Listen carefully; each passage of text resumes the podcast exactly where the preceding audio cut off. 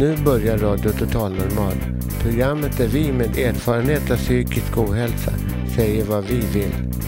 Vi som är med har alla erfarenhet av psykisk ohälsa.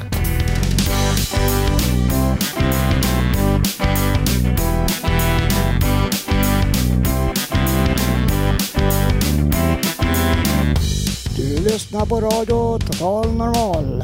101,1. Totalt normalt. Radio Total Normal, torsdagar från två till halv fyra. Vi livesänder med publik från Götgatan 38 i Stockholm. Kom hit och lyssna. Här är alla röster lika värda.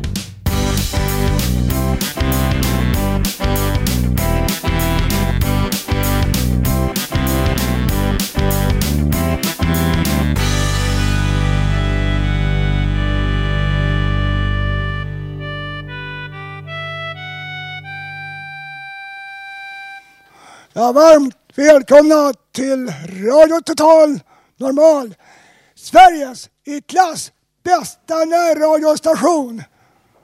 Som vi sänder direkt ifrån Götgatan 38 i Stockholm. Kom gärna förbi och var med i publiken.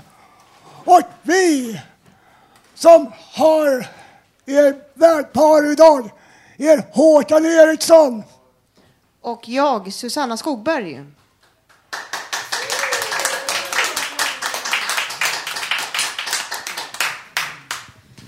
Eh, igår var radiogalan i Stockholm. Eh, det var otroligt att eh, vi har blivit, vi blev nominerade där då som eh, i klassen bästa närradiostation. Eh, det var två radiostationer till och vilken känsla liksom Och, komma dit. Vi vann priset som eh, bästa närradiostation i hela Sverige. Radio Total Normal. Eh, det, det är helt fantastiskt, eh, känslan liksom. Det är obeskrivligt egentligen. Det är väldigt kul Och, var där. Det var olika kategorier i nomineringar från alla Sveriges radiostationer som också var där. Detta betyder mycket för oss alla som deltar i Radio Total Normal. Motiveringen till att vi vann priset som bästa närradiostation är genom sitt unika sätt att ta sig an frågor om psykisk ohälsa lyckas Radio Total Normal avdramatisera ett tabubelagt ämne och lyfta fram en undangömd grupp i samhället. Tänk på detta när jag säger det här. Avdramatisera och lyfta fram en undangömd grupp i samhället. Det är väldigt stort att eh, få det här priset. Vi har kämpat väldigt mycket, gjort olika inslag. Olika livsöden har vi fått höra. Så att det, det är väldigt stort för oss. Så att eh, så är det. Varsågod Håkan. Ja, det är kallt och ruggigt ute. Men här inne så har det kommit en re- redan en stor skara åhörare till oss. Så kom upp ni också om ni är där. Är det inte värmen i? Eller hur publiken?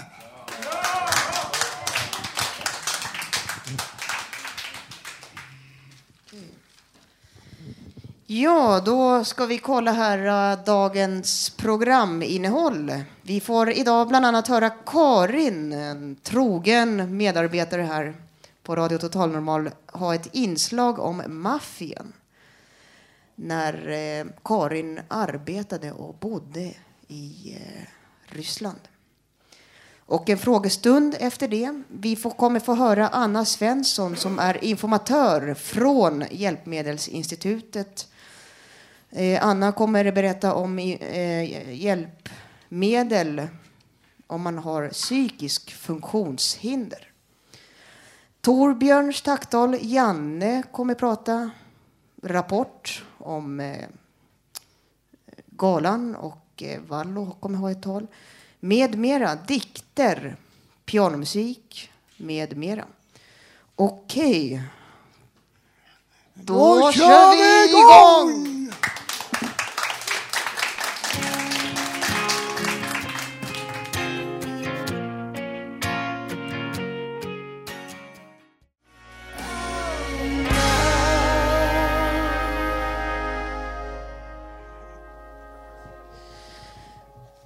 Välkomna tillbaka alla lyssnare.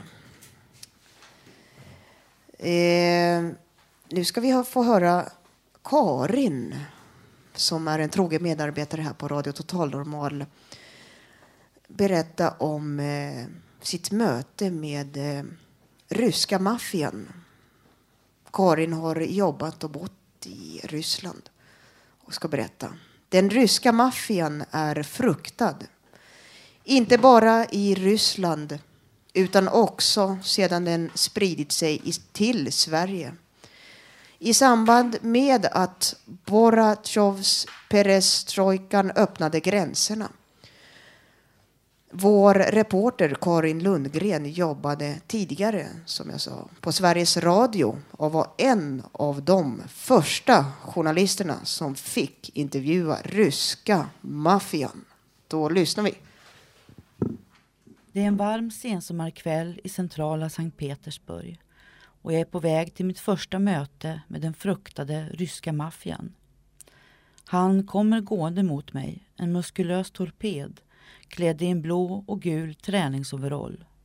Vid hans sida en kostymklädd man som titulerar sig affärsman.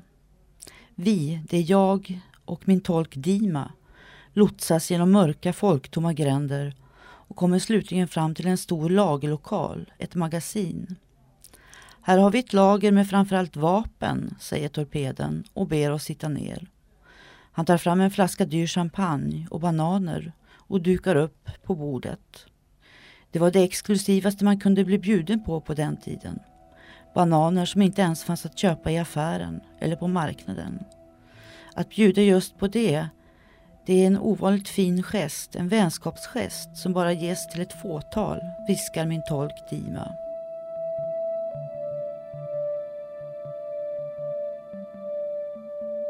Du ska få en souvenir också, säger torpeden och tar fram en glänsande patron ur fickan. Den här patronen är till den senaste modellen av Kalashnikov, säger han och skrattar. Du kan ju alltid göra ett halsmycke av den. Sen tar han fram en handgranat och lägger den på bordet framför mig. Ja, den här säger han får du också men du måste nog lämna den här annars åker du fast i tullen.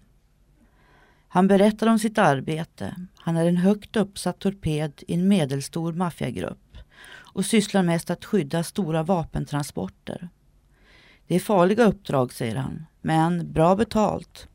Vi har inte bara maffiapolisen som jagar oss utan också andra maffiagrupper som också är ute efter våra vapen. Ibland blir det sammandrabbningar med många dödsoffer.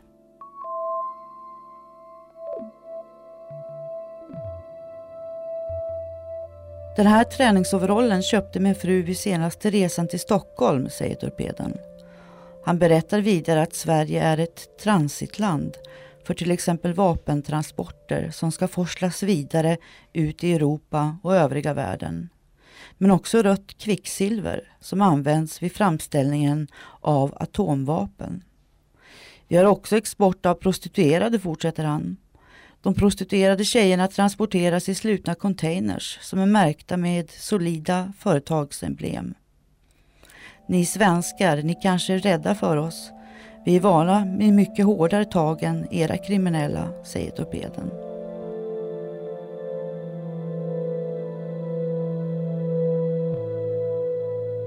Han berättar om sin bakgrund. Han är en före detta idrottsman med olika kampsporter som specialitet. Det är mycket vanligt att ryska idrottsmän rekryteras av maffian. Han säger att han egentligen inte ville bli torped men att han fick ett erbjudande som han inte kunde tacka nej till. Mörkret faller utanför den stora lagerlokalen. Klockan är över midnatt och vi dricker ur den sista droppen champagne och äter upp den sista bananbiten. Innan vi skiljs åt säger torpeden att han vill ge mig en upplevelse så att jag aldrig ska glömma honom. Han tar fram en signalraket, en nödraket som brukar avfyras från fartyg i nöd. Sen ställer han sig bakom mig och håller om mig och placerar nödraketen i mina händer och tänder på. Det smäller till i mina händer och så hörs ett tjutande ljud när raketen åker rakt upp i den svarta natthimlen. Och för några sekunder lyses himlen upp och färgas av ett starkt rött ljussken. Verkligen. Välkommen Karin. Ska vi hämta en stol? Ska vi, ska vi se. Eh, det är verkligen spännande att höra. Vi tänkte ha en frågestund här till Karin. Vill du berätta någonting själv först? Jag kan, ju, jag kan ju berätta att den ryska maffian kommer ursprungligen från organisationer som eh, startades av eh, kriminella själva som hade suttit i fängelse för att hjälpa andra som satt i fängelse med matpaket och sånt. Så det här eh, förekom, har förekommit väldigt, väldigt länge. Eh, ja, just det. Är det någon som har någon fråga? Eh, eh, jag tänkte höra, man ser ju såna här filmer, typ eh, Gudfadern och eh, man har hört talas om, eh, i Sverige finns det såna här typ torpeder och sånt där som finns i undre världen. Det, eh, vad, vad är en eh, torped till exempel? Eller är det någon som man, vad är det för någonting egentligen? En torped är ju, de jobbar ju ganska ofta som någon slags bodyguards för vissa personer eller så skyddar de vapentransporter som den här torpeden då. Eh, och det är väl, eh, ja det är maffians uppgift eh, har varit och så över hela världen egentligen, även den sicilianska maffian då. Eh, den ryska maffian har ju lite ädlare ursprung så att säga, när man ville hjälpa sina kamrater som satt i fängelse. Eh, ja, den har ju vuxit sig väldigt stark den här maffian och eh, blandar sig in i politiska kretsar också. Det är mycket korruption som finns i forna Sovjetunionen, Ryssland. Eh, och eh, ja, har blivit väldigt farlig. Och man vet också att maffian betalar stipendier till juridikstuderande på universitetet och, och, binder upp dem redan under utbildningsstadiet så att de får tillgång till deras tjänster sedan när de jag binder upp dem helt enkelt när de är klara med sin utbildning. Är det någon som... Eh, var det svårt att få kontakt med dem, med maffian? Nej, jag hade så tur så att jag hade en... Eh, min tolk kände en kille som hade, drev en eh, affärsverksamhet som skyddades av maffian. Han hade en affär då med datorer. Så jag fick eh, ganska lätt att få kontakt med dem. Och jag hade, var en av de första journalisterna som gjorde intervjuer med maffian. Och av någon underlig anledning så behövde inte jag betala, annars tar de väldigt mycket betalt för intervjuer av journal västerländska journalister. Då. Men hur upplevde du kontakten med maffian? Tyckte du att det var, hur var de? Ja, han var ju lite skrämmande sådär. Han var ju lite provokativ sådär när han tog fram patronen och handgranaten och sådär. Det verkar på något sätt som han skulle imponera lite grann sådär då och visa upp sig. Men eh, jag känner mig inte särskilt rädd. Jag är inte särskilt rädd av mig. Sådär så att eh, ja, det var helt okej. Okay. Helt okay. Ska vi gå vidare? Är det någon fler frågor kring eh, detta? Som vi, har vi någon här i publiken som har frågor kring eh, det här? Jag tänkte höra, har du någon koll i dagsläget på när det gäller sådana här un, undre världen, maffia och sånt där? Hur är det? Finns det sånt mycket i Ryssland nu jämfört med andra delar i eh, världen? Till exempel där det finns sånt som är väldigt mycket och de har ju rykte om sig, ryska maffian. Den, den finns ju i, i, Sverige och i Europa och även i USA. De har rykte om sig att vara väldigt, väldigt grymma.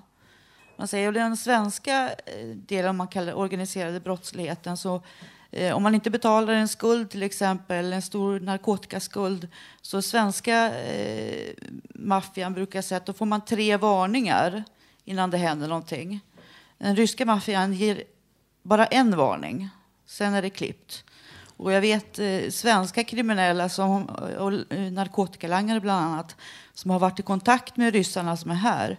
De säger att de vill aldrig mer ha med dem att göra. För de är obehagliga. De ler alltid när de eh, begär in sina skulder. De är väldigt len och det tycker svenskar inte om. Eh, så att det, det, det är en konflikt som finns. Ja, jag håller med. Jag gillar Gudfadern. Al Pacino är en mycket, mycket bra skådis. Sån här riktig kult maffiakille har han alltid spelat. Han är jättebra. Men eh, tack så mycket Karin för ditt inslag. Tack.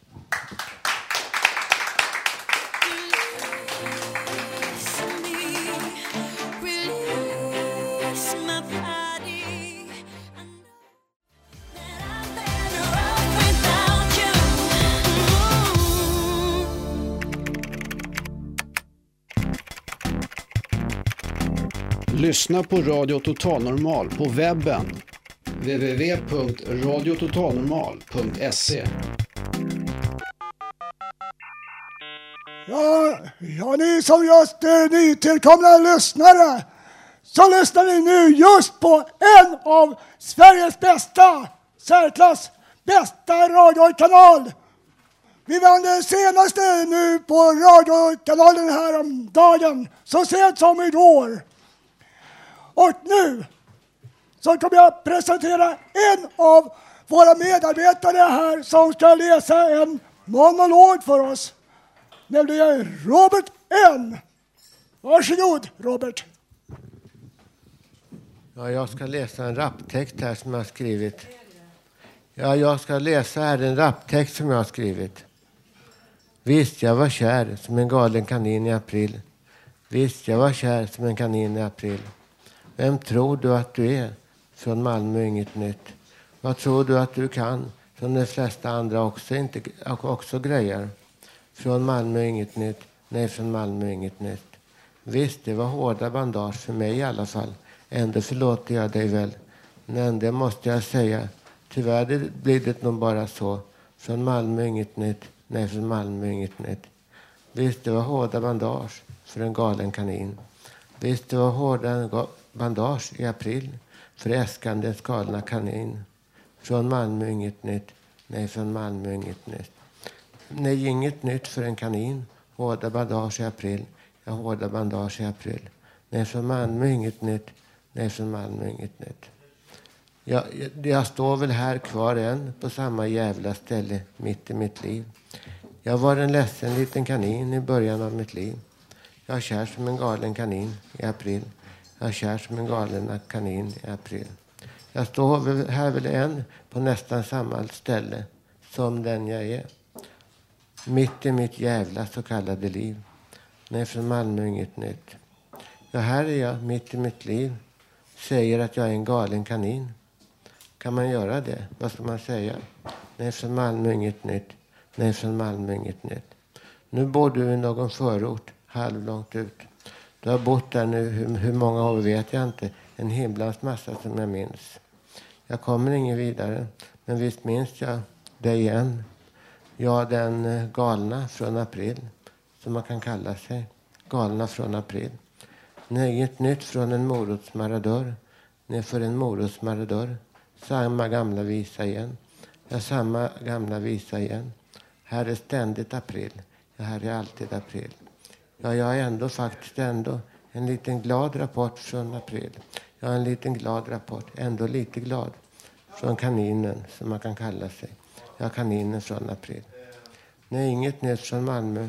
Nej, från Malmö inget nytt. Nej, inget nytt från Malmö. Visst, jag var kär som en galen kanin i april. Visst, jag var kär som en kanin i april. Men tror du att du är? Nej, från Malmö inget nytt. Vad tror du att du kan som inte de flesta andra också grejer? Från Malmö inget nytt. Nej, från Malmö inget nytt. Visst var det hårda bandage. Ändå förlåter jag det väl. Men ändå måste jag säga, det blir, tyvärr blir det så. Nog bara så. Från Malmö inget nytt. Nej, från Malmö inget nytt. Visst var det hårda bandage i april för en galen kanin. Ja, det var hårda bandage för äskandes, plitandes galna kanin. Nej, från Malmö inget nytt. Nej, från Malmö inget nytt. Nej, inget nytt för en liten galen varelse. Jag hårda bandage i april. Jag hårda bandage i april. Nej, från Malmö inget nytt. Nej, inget nytt från Malmö. Tack. Tack så mycket.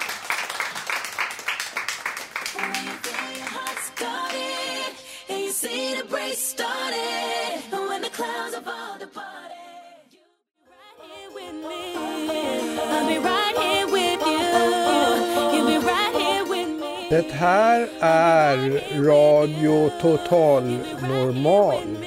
Programmet som görs av människor med erfarenhet av psykisk ohälsa. Ja, nu är det dags för veckans På stan-reportage.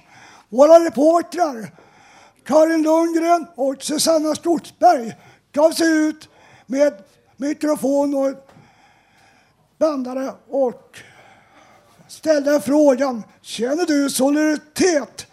Och med vem? Varsågod, och här kommer den. Vi går här på Götgatsbacken och tänkte fråga våra medmänniskor om eh, inställningen till soli- solidaritet. Ska vi se här. Hej, eh, vi tänkte fråga om solidaritet. Har du någon uppfattning om solidaritet? Nej, nej. Ursäkta, får vi ställa en Vi fråga? kommer från en radiokanal här precis. Okej. Okej. Jag undrar om det finns någon solidaritet nu för tiden. Vad tror du, Susanna? Ja, man märker i sådana här eh, pressade situationer eller folk eh, glömmer det här. Många kan bli väldigt giriga och ta för sig. Solidaritet är ett honnörsord som användes mycket på 70 och 80-talet. Men det verkar vara lite förlegat nu tror jag. Ja. Här. Hej! Ursäkta, eh, får vi ställa en fråga? Ursäkta, får vi ställa en fråga om eh, solidaritet? Vad tycker du om solidaritet? Vi kommer från en radiostation här på Götgatan. Jaha. Ja, det är väl att alla ska värderas lika. kan väl vara ett sätt. Känner du solidaritet med någon? Ja, det tycker jag. Vilken då? Ja, det är svårt att säga rakt upp och ner nu. Någon som, har psy- som psy- lider av psykisk ohälsa, känner du solidaritet med dem? Nej, det, det känner jag för... Jag känner för dem så att säga. För det kan alla drabbas av. Även vi som inte är det idag. Tack så mycket. Tack, tack. Ursäkta, har du en eh, åsikt om solidaritet? Ehm, gemenskap, Gemenskap? att hjälpa varandra. Ehm, ja. Känner du solidaritet med någon? ja, visst gör jag det. Familjen främst, men, ehm, men även andra tycker jag. Alltså, ja, främst familj och vänner. Men sen kan man känna någon, någon typ av solidaritet med andra människor också, svaga i samhället till exempel. Hej, vi kommer från en radiokanal. Soli- vad betyder solidaritet för dig? Solidaritet? Medkänsla. Medkänsla, okej. Ursäkta, har du tid? Nej. Titta på en som har inte varit klok i huvudet. Solidaritet, det är väl när man ställer upp för varandra. Känner du solidaritet för några? Eh, ja, mina vänner, Andra? mina föräldrar, släktingar, de man har runt omkring sig liksom. Och även eh, de jag skänker pengar till, välgörenhetsorganisationer, känner jag mig solidaritet för. Vilka skänker du pengar till? Eh, WWF, Naturskyddsföreningen och Greenpeace. Vad är det för skillnad mellan solidaritet och medlidande?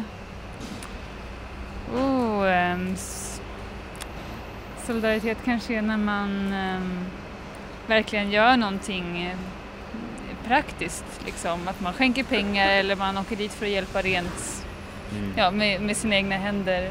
Men medlidande, då känner man ju bara. Ja, jag känner solidaritet till alla zigenare i världen. Varför just zigenare? Ja, för att de är en nomadisk eller kanske före detta nomadisk grupp som har blivit behandlad väldigt illa och befinner sig i en väldigt svår problematik. De är liksom både delaktiga i det men också liksom det har, kom, det har kommit från andra människor också. De har blivit eller det här, andra människor har bidragit att de finns i den situationen de finns. Så. Mm. Okej, tack. Tack så mycket. Tack. Hejsan min dam, vi tänkte ställa en fråga om solidaritet. Vi kommer från en... Jättebråttom. Okej, ja. Då... Det är lite ödsligt så här på Ja, morgonkvisten. det är, ingen, det är ingen som är ute. Vad Okej. betyder solidaritet för dig? Gemenskap. Gemenskap. Att man ställer upp för varandra och gör saker tillsammans, tror jag. Ja. Känner du solidaritet med någon? Eller några? Det är väl familjen i så fall, de närmsta såklart, och jobbarkompisar tror jag. Svaga grupper då? Ehm, barn. Barn? Ja, utsatta barn tycker jag är jättejobbigt. När man läser om och hör om de som far illa i sina familjer där man ska vara trygg och kunna vara sig själv och där man inte får det. Tänker pedofiler och sånt också? Ja, absolut. Och ja, men missbruk. Barn med missbrukande föräldrar där man inte får en trygg uppväxt. Det är fruktansvärt. Barn, man, det är som djur. Man är beroende av andra människor liksom. Ja, Så att, eh, faktiskt. Jag förstår. Ja, vad tycker du om solidaritet? Har vi fått svar på frågan? Ja, jo, delvis tycker jag faktiskt att många tycker främst eh, sin egen familj först och främst solidaritet. Jag tycker det är lite som. egoistiskt att bara tänka på sin familj när man pratar om solidaritet. Förut var ju solidaritet kampen, det var arbetarrörelsen, det var eh, solidaritet med handikappade, med, med hu- hungrande människor. Men nu verkar det vara familjen, den egna familjen man känner solidaritet med. Tänk om man inte har någon kärnfamilj och luta sig tillbaka mot. Det är inte så självklart.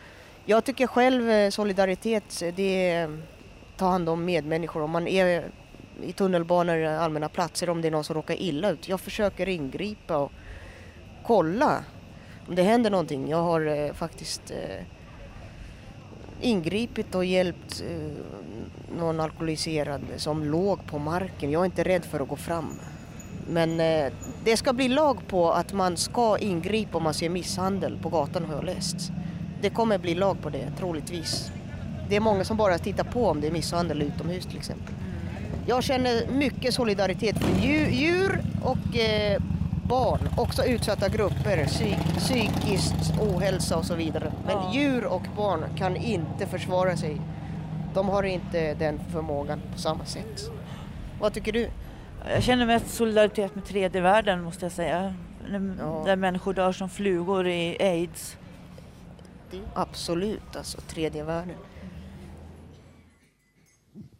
Ja, då har vi hört eh, på stan-reportage som eh, Karin och jag, Susanna, har gjort. Jag tänkte höra med er eh, i publiken här. Kan man lagstifta solidaritet? Vad tycker ni om det?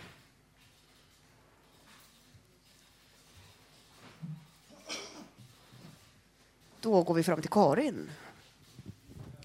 Vi har ju redan en lagstiftad solidaritet. Vi ger bistånd till tredje världen genom våra skattepengar. Och så. Men sen solidaritet, sån här vardagssolidaritet, om man säger att man ingriper när någon råkar illa ut, så är, så är det ju delvis förbjudet idag. Jag träffade på en kille som eh, ingrep när en tjej blev våldtagen och misshandlad eh, på, mitt i natten i stan. Och han hade sin dobermannhund med sig, så han bussade hunden på ena killen och sen så tog han sig an den andra killen eh, själv då. Och eh, de blev så, ganska svårt skadade de här två som hade misshandlat och, och våldtagit den här tjejen. Eh, men den killen fick två års fängelse. Och flickan fick ligga, eh, hon var minderårig, hon fick ligga ett halvår på sjukhus. Men det, de sa åt honom att han borde ha gått och ringt polisen istället för att ingripa. Men han var ju rädd för flickans liv var i fara. Så det, det tycker jag det är nästan förbjudet liksom, att ingripa som det är idag. Och det är ju fel tycker jag. Ja, det är, speciellt om det är två pers och där och ensam man och eh, situation med våldtäkt. Man, man reagerar ju instinktivt om man har en hund liksom. Jag förstår. Det finns ju någonting som heter nö, eh, vad heter det, att man kan försvara sig i nödvärn. Typ någonting. Eh, ja, men eh, nu ska vi höra. Vi har en till. Ja, det är väl ganska... Man pratade om 70-talet och det här med solidaritet. Det var ju på ett annat sätt då. Det var ju arbetarrörelsen och så. Men sen, sen är det ju också det här att desto större skillnader det blir i samhället, desto mindre sam, ett, ett, ett, ett, en grupp människor känner att de har någonting gemensamt, desto svårare blir det att, att, att, att, att, få folk att ingripa. Att, eh, låter man till exempel psykiskt funktionshindrade fara tillräckligt illa, då ingriper ju inte de när de kanske i samma höga grad som, som, som de skulle ha gjort annars. Det kanske är lite konstigt det här, men, men jag tror i alla fall att det måste finnas en delaktighet i samhället även för grupper som psykiskt funktionshindrade och andra svaga grupper i samhället, eh, olika handikapp och, och, och, arbetslösa och så vidare. Det är ju en miljon människor som lever i utanförskap och de känner ingen delaktighet i samhället. Och då, vill man inte ta, då tar man inte något ansvar och det är ju väldigt farligt. Det kan ju bli att hela samhället vittrar sönder. Så att det, det, det ser jag som är allvarligt. Eh, Janne? Ja, Jag har ingripit flera gånger när det gäller människoliv. Folk som har ramlat och slagits eller säckat ihop och hjälpt dem hem till lägenheten, burit tunga kassar De ser att de nästan inte orkar, nästan håller på att ramla ihop. Och eh, det var väl någon gång det var en dam som stod före mig vid en bankomat och då kom det inga pengar till henne. Men sen liksom gick hon in på bankkontoret och ropade att henne, rasslade till i maskinen och sa nu kommer dina pengar. Det var 2000 kronor som jag räddade åt henne då. Så, så där brukar vi, så man får hjälpa alltså, människor i nödsituationer då. Men att ingripa, det vet jag inte hur jag ställer mig till. Jag tror det verkar lite farligt när jag hör det här Karins, eller någons, Susannas och Karins reportage då, att man råkar illa ut med, om man om man hjälper någon i ett sånt där våldsbrott. Då. Det måste ju vara fel på något sätt eftersom den mannen ville väl rädda den kvinnan. Han hade då en, en till resurs, då, en dobermannhund. Va? Det borde han inte alls ha något straff. Han borde nästan få beröm istället, tycker jag. Tack. Jag, jag håller med eh, Janne faktiskt. Jag tycker det är lite... Jag först, jag, det är, han sitter i fängelse för att han räddade en kvinna. Ja, det är faktiskt lite konstigt. Eh, Håkan? Ja, jag har solidaritet för dem som jobbar för en miljö och för dem som kämpar för att alla barn att de får en trygg uppväxt. Jag har ingen solidaritet till de föräldrar som totalt nonchalerar vad ungdomarna håller på med. Skulle de ta mera ansvar för sina barn så tror jag att det skulle minska mycket av den här ungdomsvåldsheten här i, överallt i hela landet. Så ta ert ansvar, ni som är föräldrar, och inte bara nonchalera det. Och lyssna på barnen, för de lär sig efter vad vi vuxna gör, inte vad ni säger. Absolut. Då. Ja, hallå, det hörs. Jag vill instämma också att man, jag försöker hjälpa till. Eh, en gång när jag var på väg hem då såg jag en granne jag känner igen. Hon är mamma. Och eh, två flickorna och hennes man röker. Jag såg att hon var helt full. Men jag hjälpte henne. Hon kunde inte klara sig hem utan att jag hade hjälpt henne. Och, och, men hon hade nycklarna eh, i behåll och jag hjälpte henne ända hem till dörren. Men att jag skulle inte tycka att man ska lagstifta. Skulle, nej, tack så mycket. Okej, då kör vi vidare här.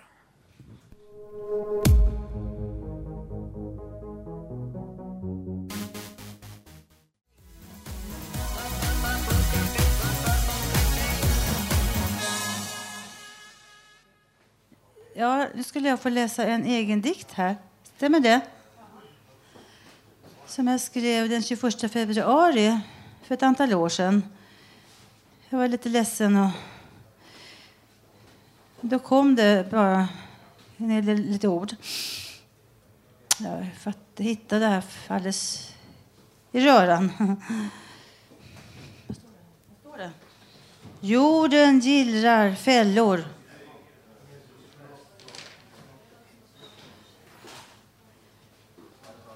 Vem vakar över vinden som slår i gardinen? Jag solo i, i en känsloöken knastrar torrt alla destruktiva tankar knastrar och knarrar i den isiga snön. Våren vilar i velig längtan. Varför blir det inget av livet? Vet. Vem vet? Jag rundar cirkeln i ormens svans. Den jag tecknade i en grå gårdag. Ormfisken i blått, gult, orange värnar om en levande kraft. Kanske jag, vem vet? Kanske jag en dag stiger upp månomsluten i en gnistrande rymd, stjärnspäckad, blåisig med isrosor, inramade lyckopilar. Vadan vart hän i sommarens soliga dagar.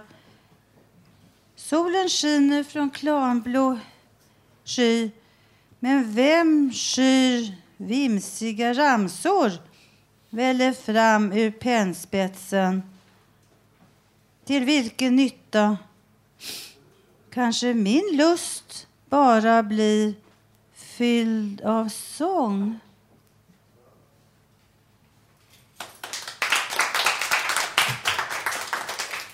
Så vill jag spela en liten sång. Om du håller, som min mamma spelade för mig när jag var fem år i Lysekil. Hon sjöng i kyrkokören.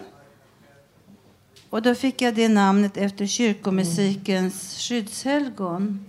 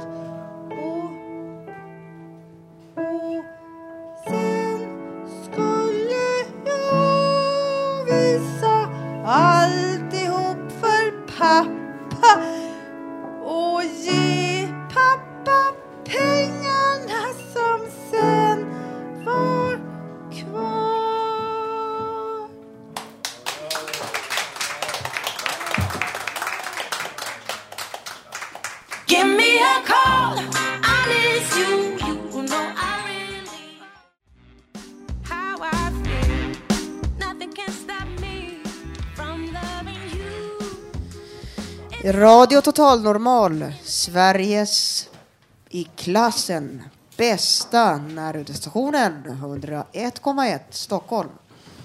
Eh, jag sitter här, Håkan, jag och Anna Svensson som är informatör på Hjälpmedelsinstitutet. Anna kommer berätta om eh, hjälpmedel för psykiskt funktionshindrade om man har en funktionsnedsättning. Så är det. Varsågod. Tack. Eh, jag är här idag för att prata om vårt projekt Hjälpmedel i fokus för personer med psykisk funktionsnedsättning. Alla vet att det finns bra hjälpmedel för den som är blind, hörselskadad eller rörelsehindrad. Betydligt färre känner till att det finns bra och fungerande hjälpmedel även för de som lider av psykisk ohälsa. Det vill vi ändra på. Vi vill att det ska vara lika självklart för någon med ett så kallat psykiskt funktionshinder, psykisk sjukdom, ADHD, autism, hjärnskada med mera. Att få tillgång till hjälpmedel precis som andra grupper. Några exempel på hjälpmedel som underlättar vardagen kan vara handdator, bolltäcke och medicinpåminnare. Handdatorn kan hjälpa till att strukturera och organisera dagen, påminna om när man ska göra vad, till exempel gå till jobbet. En brukare säger så här om sin handdator. Tidigare förväxlade jag ofta vilka dagar och klockslag som aktivitet skulle äga rum. Det gör jag inte längre. Bolltäcket kan hjälpa den som har svårt att sova att komma till ro och få en bättre sömn. Det kan också hjälpa mot koncentrationssvårigheter. Det känns som att täcket kramar en. Jag sover bättre. Jag har minskat min sömnmedicin och äter mindre på natten, säger en bolltäckeanvändare. Medicinpåminnaren finns i många olika varianter. Bland annat en som man kan ha i mobilen och som piper och skickar meddelanden om att det är dags att ta medicinen. Att bli påmind om att ta medicin ger trygghet och självständighet. Tror du att hjälpmedel ska kunna hjälpa dig i ditt liv och vardag? Ta då kontakt med en arbetsterapeut. De finns både inom kommuner och landsting. Så kan de hjälpa dig med att få ett hjälpmedel utprovat och utskrivet. Du kanske har egna idéer om hjälpmedel till personer med psykisk sjukdom. Vi vill gärna ha in tips och nya idéer. Maila dem till info.hi.se eller lämna dem till Iris på Fontänhuset så vidarebefordrar hon dem till oss. Mer information om hjälpmedel finns på vår hemsida www.hi.se och på www.hjälpmedelstorget.se. Där klickar ni vidare till kognition så får ni en massa förslag på hjälpmedel. Tack för att ni lyssnade. Eh, tack så mycket. Eh, Jag, jag tänkte fråga, vad är, vad är ett bolltäcke? Bolltäcket är ett speciellt täcke som är fyllt med bollar. Små bollar som pingisbollar ungefär. Som man, har, som man använder som ett vanligt täcke. Men som känns liksom, man blir omsluten. Det känns som någon ligger och kramar en. Och man, det blir en sorts massage kan man nästan säga. Och det uppges, upplevs som väldigt rogivande. Om man har svårt att somna till exempel. Eller känner sig orolig, har ångest och så. Så kan det hjälpa en att få en bättre sömn. Det finns något som heter kedjetäcke också. Det finns i olika vikter.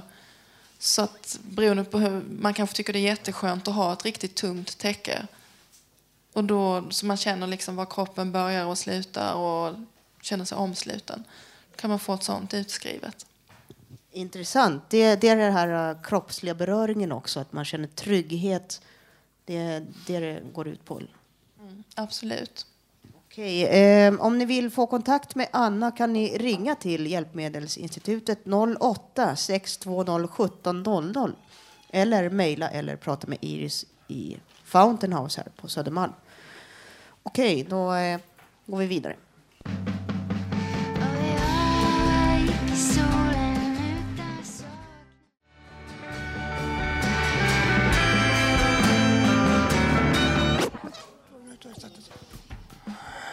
Ja, nu ska en av Fountain House medlemmar eh, ta, ge ett så tacktal på grund av att Radio Total vann det stora radiopriset som Stockholm och Sveriges bästa radiokanal. Varsågod.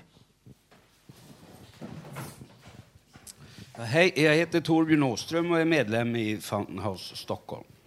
Här i klubbhuset på Götgatan 38 jobbar vi främst med arbetsinriktad rehabilitering av människor som lider av psykisk ohälsa under mottot eh, arbete och vänskap. Vi strävar efter att stärka medlemmarnas självförtroende, bekämpa stigmatisering och att hjälpa medlemmarna med att ta makten över sitt eget liv.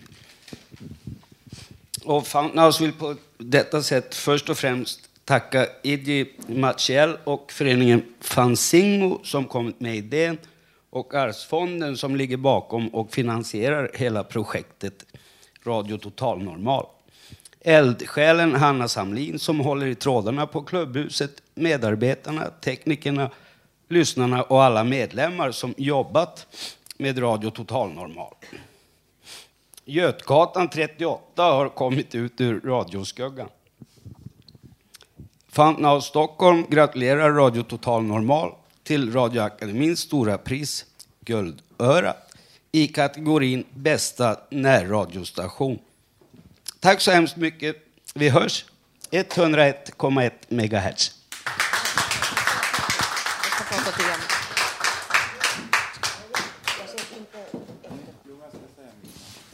Ja, då ska vi prata med vår trogna medarbetare Janne som ska prata om radiogalan. Varsågod Janne.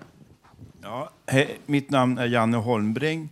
Igår kväll var jag med på radiogalan på eh, eh, eh Kinateatern och senare middag på Berns. Och eh, vi satt där förväntansfulla eh, eh, på, i, i publiken närmast eh, scenen till vänster. Och eh, det var väldigt mycket folk och det var hög stämning, det var mycket folk. Och, och eh, vi fick sitta och vänta länge. Och, men jag kände någonstans inom mig att vi skulle vinna det här, den här fina tävlingen. Och till slut då så ganska fort faktiskt så fick vi veta att vi hade vunnit. Och då var det, kändes nästan overkligt för mig. Och, och Idjis hjärta klappade så det höll på att klappa i led, sa hon. Och eh, eh, vi steg upp där på scenen och tog emot priset, en väldigt vacker inramning då med ett diplom. Och den är ju då signerad av eh, Radioakademin. Jag tror han heter Christer, eh, någonting, Ljung, vad heter han? Ljung, vad heter han? Christer? Christer Ljungeryd. Ja. Och det var andra celebra gäster där, Mats Svegfors och Bert-Åke Varg och eh, Lotta Bromé var väldigt skojig att lyssna på och se live. Och vi, eh, det var popgrupper som spelade, jag tror de hette Christers. Och sen var det norska artister och det var eh, väldigt avancerad rock och det var väldigt hög ljudvolym tyckte jag. Det man har lite svårt att höra texten då när det är så mycket volym på ljudet. Och eh, sen var vi väldigt glada och vi tyckte det var jättekul. Och till slut var, tog ju festen slut. Jag brukar tänka så när festen är som bäst, då man ska sluta. Så jag gick därifrån, jag gick hela vägen till centralstationen och åkte pendeltåget hem. Och somnade sen klockan halv tre och sov så gott i natt. Okej, tack så jättemycket. Och jag vill tacka alla här i huset, alla som jobbar i huset, inte bara Radio Total Normal, utan alla enheterna på huset. Eh, info, köksenheten, matsalen och kontoret. Alla har hjälpts åt på ett eller annat sätt, direkt eller indirekt, bakat och stått, ställt upp med bakverk och kaffe. Och alla har, ska ta del och känna glädje i det här som vi har vunnit nu. Och jag sa på scenen så här, det finns inga dårar, det finns bara sköra människor. Och vi är sköra människor. Jag kan säga en liten sak i Bibeln då. Herren Gud, eh, Gud lägger sina skatter i bräckliga lerkärl. Tack.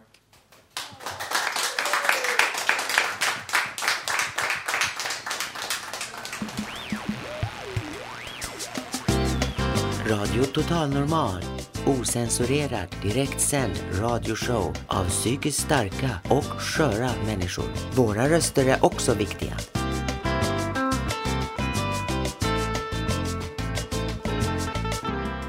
Radio Total Normal. Ja, nu kommer ännu en som var med på den här radiogalan och talar om hans upplevelse av den. Varsågod. Tack. Nej, det var en underbar kväll. Solen sken när vi promenerade på väg dit, när vi åkte dit. Och eh, ja, det är bara att inflika med föregående kamrat att det var jättetrevligt och jätte... Ja, det, var, det bubblade i hela kroppen när, man, när vi fick priset. Och mycket folk. Nej, det är verkligen underbart. Och god mat var det med. Och dricka till. Nej, jag är, nöjd. jag är jättenöjd. Tack.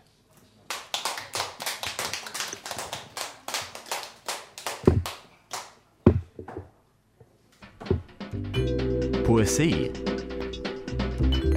i Radio Total Normal.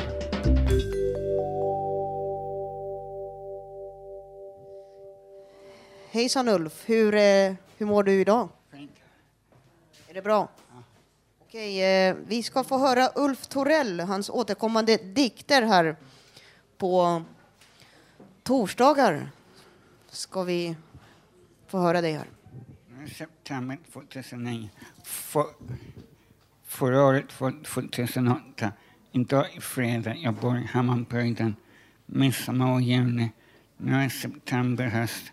Ett reste 1969-70.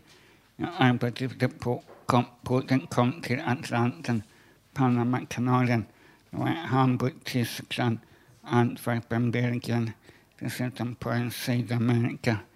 Eh, 2009. Går torsdag, vind blåser.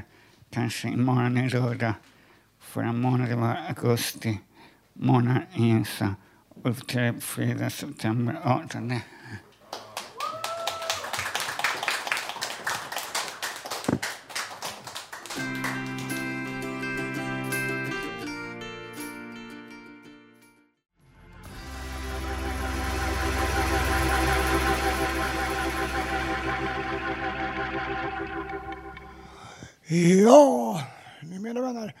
Så ska vi höra här radio Total Normal om våran Stockholmsdialekt. Och det är Mr X som kommer att tala om det. Varsågod. Hej. Jo, jag ska tala lite grann om eh, olika eh, slang som finns i Stockholmsområdet.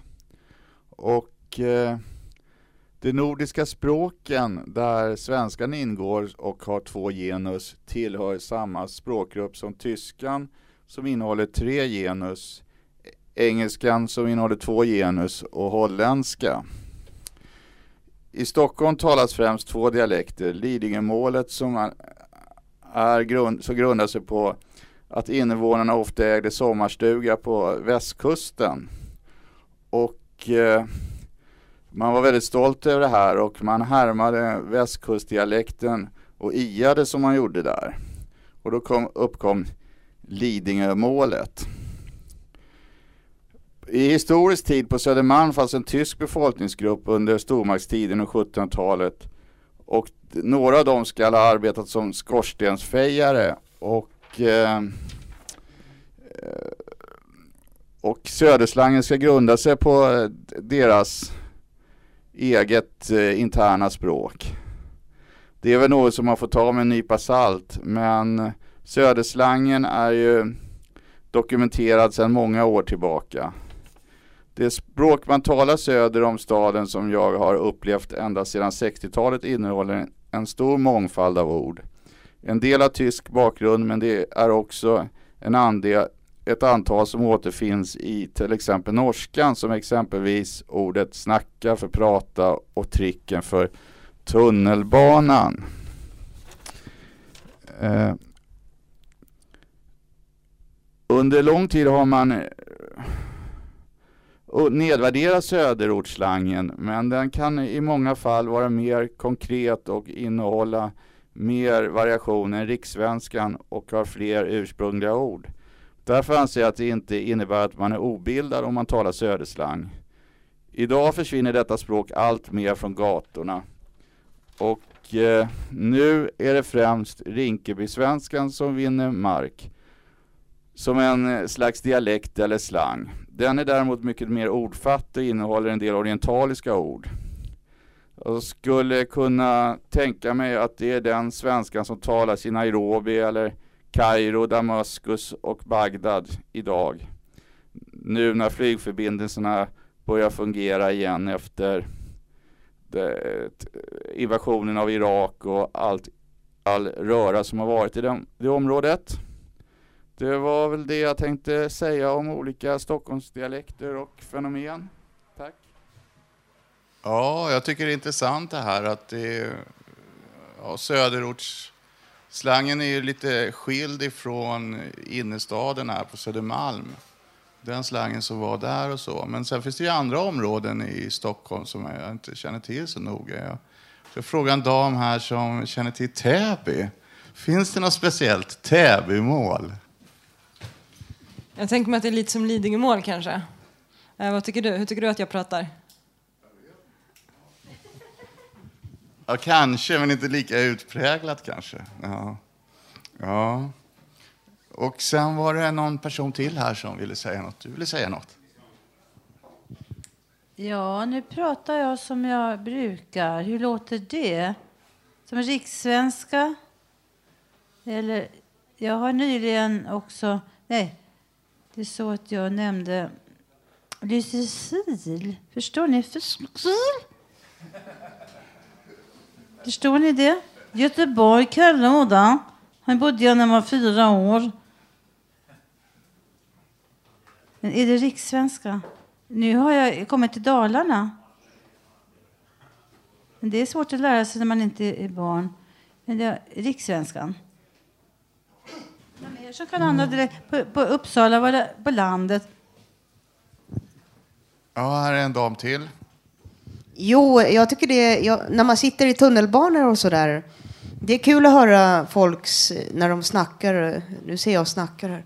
Nej men, eh, när de pratar eh, till exempel eh, från olika delar av Sverige och, och sådär. Det är faktiskt skillnad om man åker till Täby eller Danderyd och Lidingö. Jag, jag märker, de betonar den här in väldigt djupt. Det, det är en stor skillnad jämfört med söderslanger eller förortsslangen. Det, det mär, man märker liksom i Stockholm så här olika delar. Så att eh, det är kul att höra när man sitter, speciellt på tunnelbanor, och höra folk prata sådär. Det tycker jag är intressant att, att höra vad de pratar om. Det kan man inte undgå heller.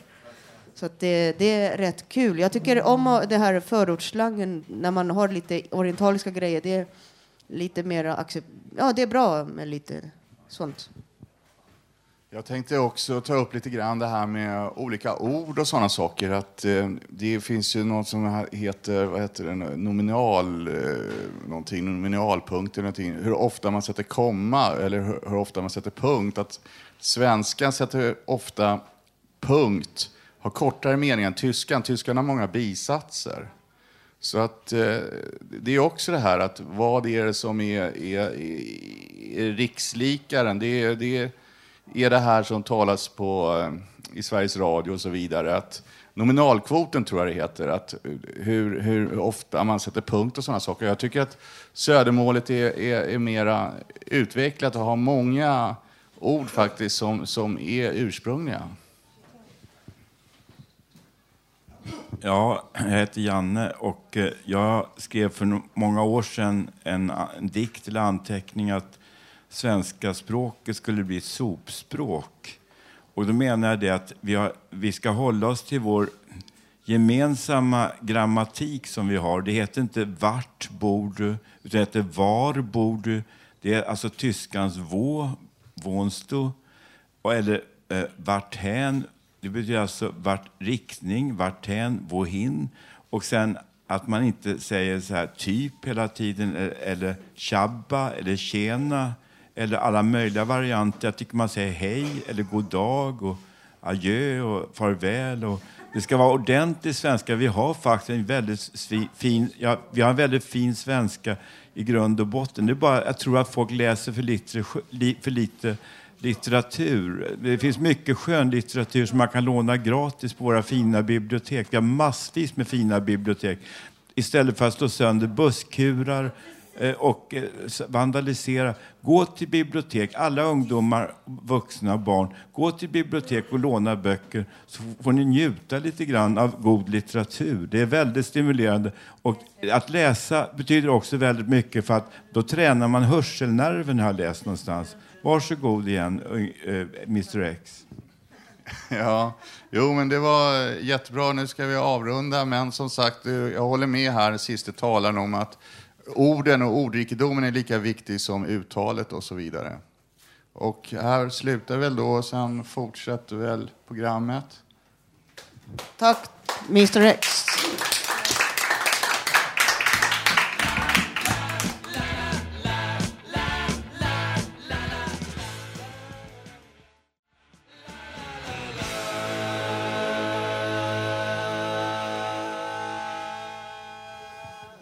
Radio Total Normal 101,1. Eh, nu ska min värdkollega Håkan prata om Fountain House och vad det har betytt för honom. Ja, Fountain House är en rehabilitering för personer som har erfarenhet av psykisk social ohälsa. Det har betytt mycket för mig att min underbara fästmö bokat studiebesök, för hon har arbetat där. Och alla där delar på uppgifterna i huset. Vissa dagar så tar man på sig för mycket som man missar. Då är det sällan någon klagar. Vi blir uppskattade för det vi gör i huset.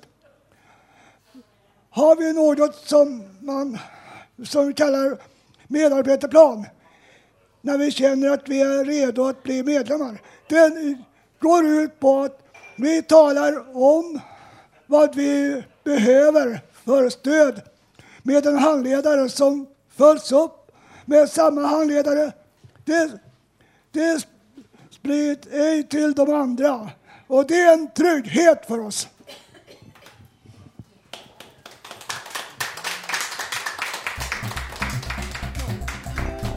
Jag heter Ann-Marie Risberger. Och jag heter Lillemor.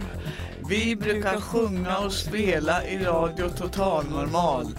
Lyssna vet jag. Radio Total Normal.